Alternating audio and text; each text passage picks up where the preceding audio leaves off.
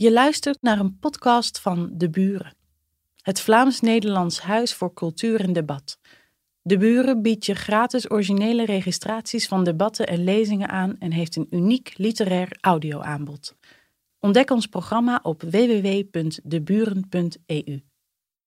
We hebben alle sprekers gevraagd om een kort statement voor te bereiden om hier plenair te brengen. De eerste spreker is uh, Maaike Meijer.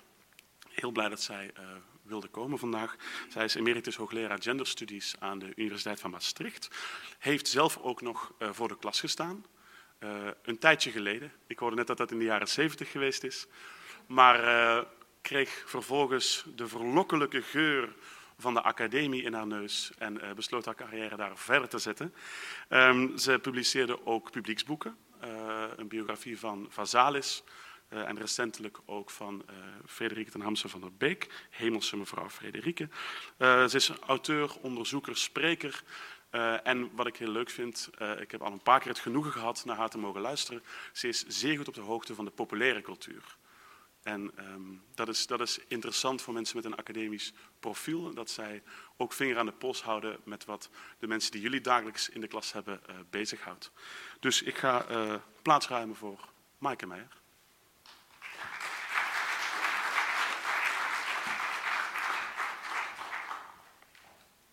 Dank voor deze uh, introductie.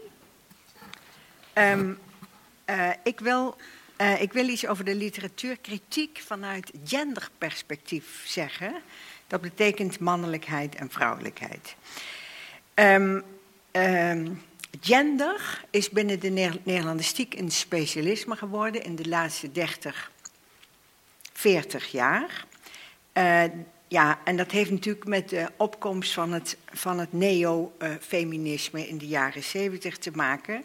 Toen, kregen, toen kwamen er meer studentes, binnen de Nederlandistiek ook. En die gingen zich natuurlijk dingen afvragen. Waarom zijn er historisch gezien zoveel minder schrijfsters dan schrijvers? En waarom waren de spraakmakende vernieuwers in de literatuur van de tachtigers tot de forumgeneratie, hè, ter Braak du Perron, de vijftigers, waarom waren dat allemaal mannen? En waarom zijn er zo weinig vrouwen die literatuurkritiek hebben beoefend in het verleden? Nu gaat dat wat beter. En had dat ook invloed op de inhoud van de literaire kritiek? En hoe ontstond dat beeld van de grote drie? Dat waren Moelis, Reven en Hermans. Terwijl er in diezelfde decennia toch ook schrijfsters actief waren met een even groot en veel gelezen oeuvre, zoals Hella Haase, even scandaleus als Hermans, zoals Anne Blaman, en evenzeer bij de homo-emancipatie aanhakend als Gerard Reven. Dat was natuurlijk Andreas Bernier. Maar geen van die schrijfsters die hebben het ooit tot nummer vier in de grote vier geschopt. Nou, het stellen van dit soort vragen is nu heel gewoon. En sterker nog zijn heel veel van die vragen ondertussen beantwoord. Uh, en ik scroll nu even uh, door onze literatuurgeschiedenis om een paar van die veelbesproken genderkwesties uh, aan te stippen. Ik begin gewoon met de allereerste zin uit onze literatuur. het staat in het midden van de bladzijde. Het is een, natuurlijk een heel oud stukje perkament. Hebben Olla Vogala Nestos alle vogeltjes zijn nesten begonnen, maar niet jij en ik. Daar is ongelooflijk veel inkt over gevloeid. En iedereen gaat er altijd van uit dat dit geschreven is, werd door een man. Dat een smachtende klerk in Engeland zat hij dan ergens en verlangde naar zijn liefje. Maar deze assumptie, deze aanname, dat is nog maar de vraag. En dat komt door het onderzoek van Ria Lemaire, dat is een eh, gendercritica, die ontdekte in de Portugese en Franse middeleeuwse literatuur dat er heel veel zogenaamde vrouwenliederen waren. En die zijn, toen ze werden geschreven en gedicht, nee, toen ze werden bedacht, uh, die waren oraal. En in de overgang van de orale literatuur naar de geschreven literatuur is er heel veel vrouwenliteratuur gesneuveld. Uh, de vrouwenliederen, laat Ria heel mooi zien, dat ging over liefdesverlangen, heel vaak. Ik ging naar de beek, ik maakte mijn haar los, ik ging onder de hazelaar zitten. En ik riep mijn liefje, kom naar mij toe, praat met mij, hou me vast. Het zijn hele prachtige erotische liederen, uh, waarvan je bijna, ja, omdat ze allemaal vanuit het vrouwelijk perspectief zijn geschreven, bijna kunt denken, ja, dit, dit zijn gewoon liederen die vrouwen zongen, uh, bedachten. Maar bij het schrijven van die teksten uh, zijn ze verdwenen onder anonymous. Alleen maar mannen mochten schrijven. Vrouwen leerden dat helemaal niet.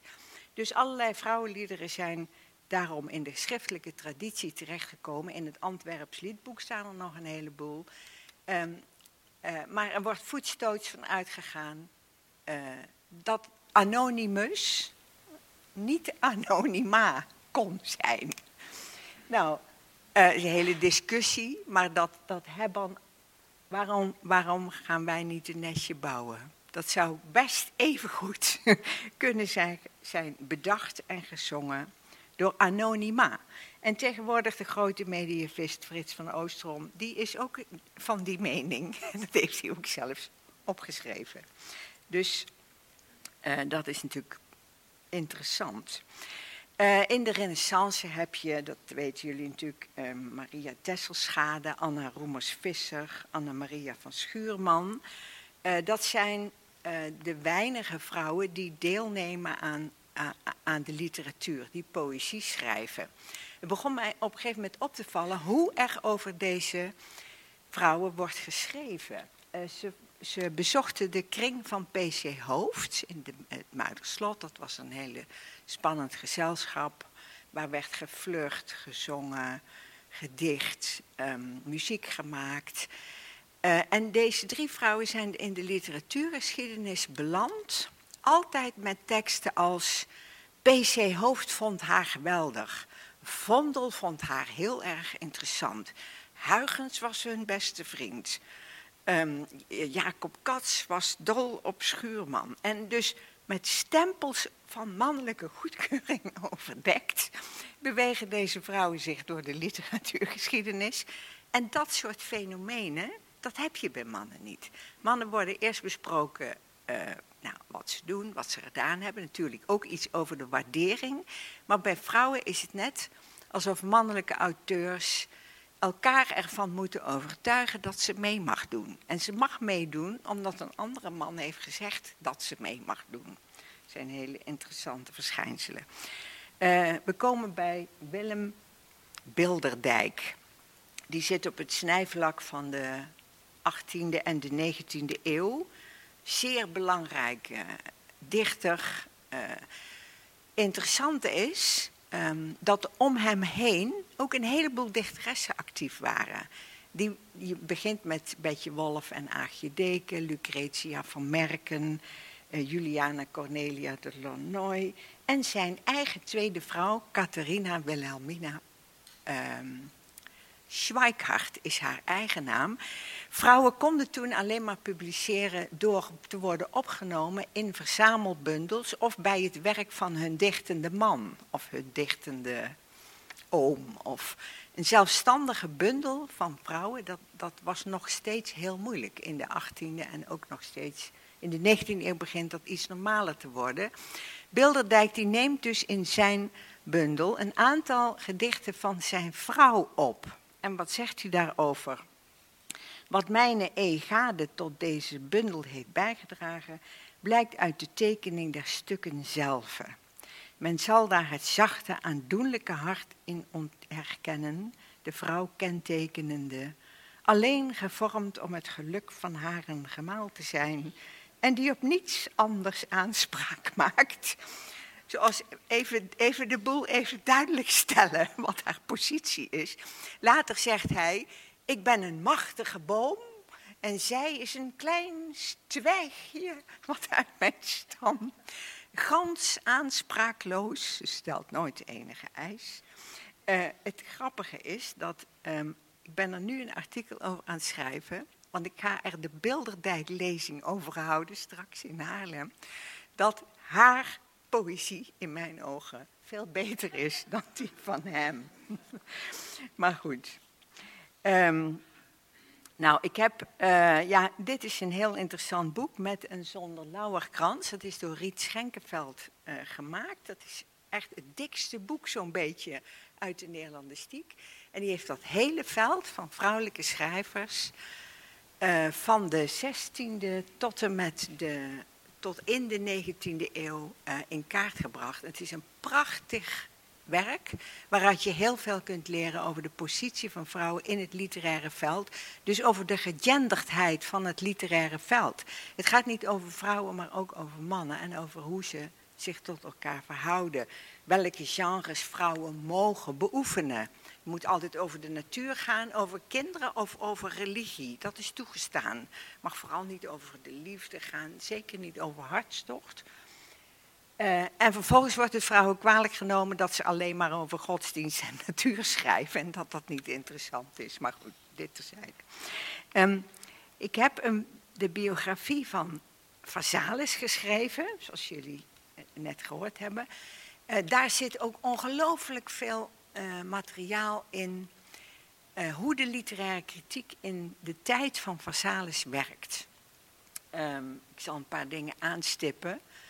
Zij was zo slim om te debuteren onder een pseudoniem. Namelijk het pseudoniem M. Vasalis. Daar kon je niet aan aflezen of je met een man of een vrouw te maken had. Dat heeft haar kanoniseringsproces enorm bevorderd. Want de grote jongens in de literatuurkritiek, Ter Braak en Duperon, wisten het ook niet. En die waren diep getroffen door haar gedichten. En die gingen elkaar schrijven. Heb je die gedichten gelezen van die man? Nou, Ter Braak, geweldig vond hij het. Uh, vervolgens werd bekend dat ze een vrouw was, maar toen was het helaas al gebeurd. toen kwamen ze er niet meer op terug. Ik denk dat Vasalis dat intuïtief heeft gesnapt. Van als ik nu zeg uh, Monique Vasalis, of uh, sommige Nederlanders die denken dat ze Maria Vasalis heet, quod non. M Vasalis. Um, en dat ze het gewoon intuïtief wist, als ik mezelf als vrouw afficheer, val ik meteen in de categorie uh, dichteressen. Die worden altijd op één hoop gegooid en dan worden mijn gedichten heel anders gelezen. Dat is een kwestie in de literatuurkritiek. Dat vrouwen, vrouwelijke dichters worden altijd heel anders gelezen bij voorbaat. Uh, uh, niet, um, ze worden niet zo serieus genomen. Dat heb ik in mijn Vasalis biografie helemaal uitgediept. Dat werk staat bekend als makkelijk. Op een gegeven moment vinden mensen het kitsch en oppervlakkig, later. En mijn stelling is, lees, lees het nou eens echt. En reduceer dat oeuvre niet tot een paar gedichten die inderdaad, nou ja, makkelijk zijn. Hoewel ze van gevoel helemaal niet makkelijk zijn. Uh, dus dat, die neiging om vrouwen niet serieus te nemen, dat zag je ook uh, bij het debuut van Neeltje Maria Min, dat jullie misschien nog herinneren. Uh, daarover heb ik geschreven in mijn, uh, in mijn proefschrift, De Lust tot Lezen. Uh, Neeltje Maria Min die, die kwam met een bundel voor wie ik lief heb, wil ik heten. dat maakte grote indruk, maar tegelijkertijd alle kritieken. Het dichteresje, het meisje, lieflijke gedichten. Die gedichten zijn helemaal niet lieflijk, die zijn gruwelijk, die zijn, die zijn duister, die zijn onbegrijpelijk. Nou, Adriaan Roland Holst zal ze wel geschreven hebben, want dat was, nou ja, enzovoort. Dus um, er is iets aan de hand met gender in de literatuurkritiek en dat uh, proberen wij um, vat op te krijgen. Uh, het gaat nog alsmaar door. Hè? Nu schrijven vrouw, vrouwen vaak heel succesvolle um, thrillers die zijn enorm populair. Maar als je de kritiek daarvan bestudeert, dan zie je ook dat dat valt heel gauw in één categorie. En dat is dan ook heel gauw niet zo goed als, weet je wel, dat soort dingen.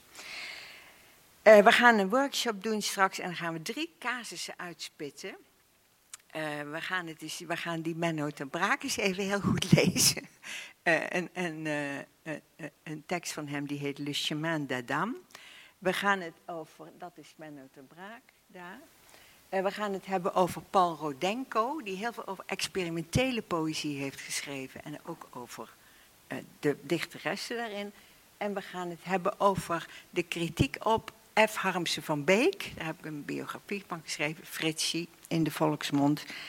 En dan gaan we een soort discoursanalyse doen van ja, hoe gaat dat in die kritiek? Hoe wordt er geschreven? Welk beeld wordt neergezet? En klopt dat wel? Tot zover mijn inleiding. Hartelijk dank voor jullie aandacht. Je luisterde naar een podcast van De Buren, het Vlaams-Nederlands Huis voor Cultuur en Debat. Benieuwd naar ons literaire aanbod? Luister dan ook naar radioboeken, citybooks en andere audioverhalen. Ontdek ons podiumprogramma en al onze digitale producties op www.deburen.eu.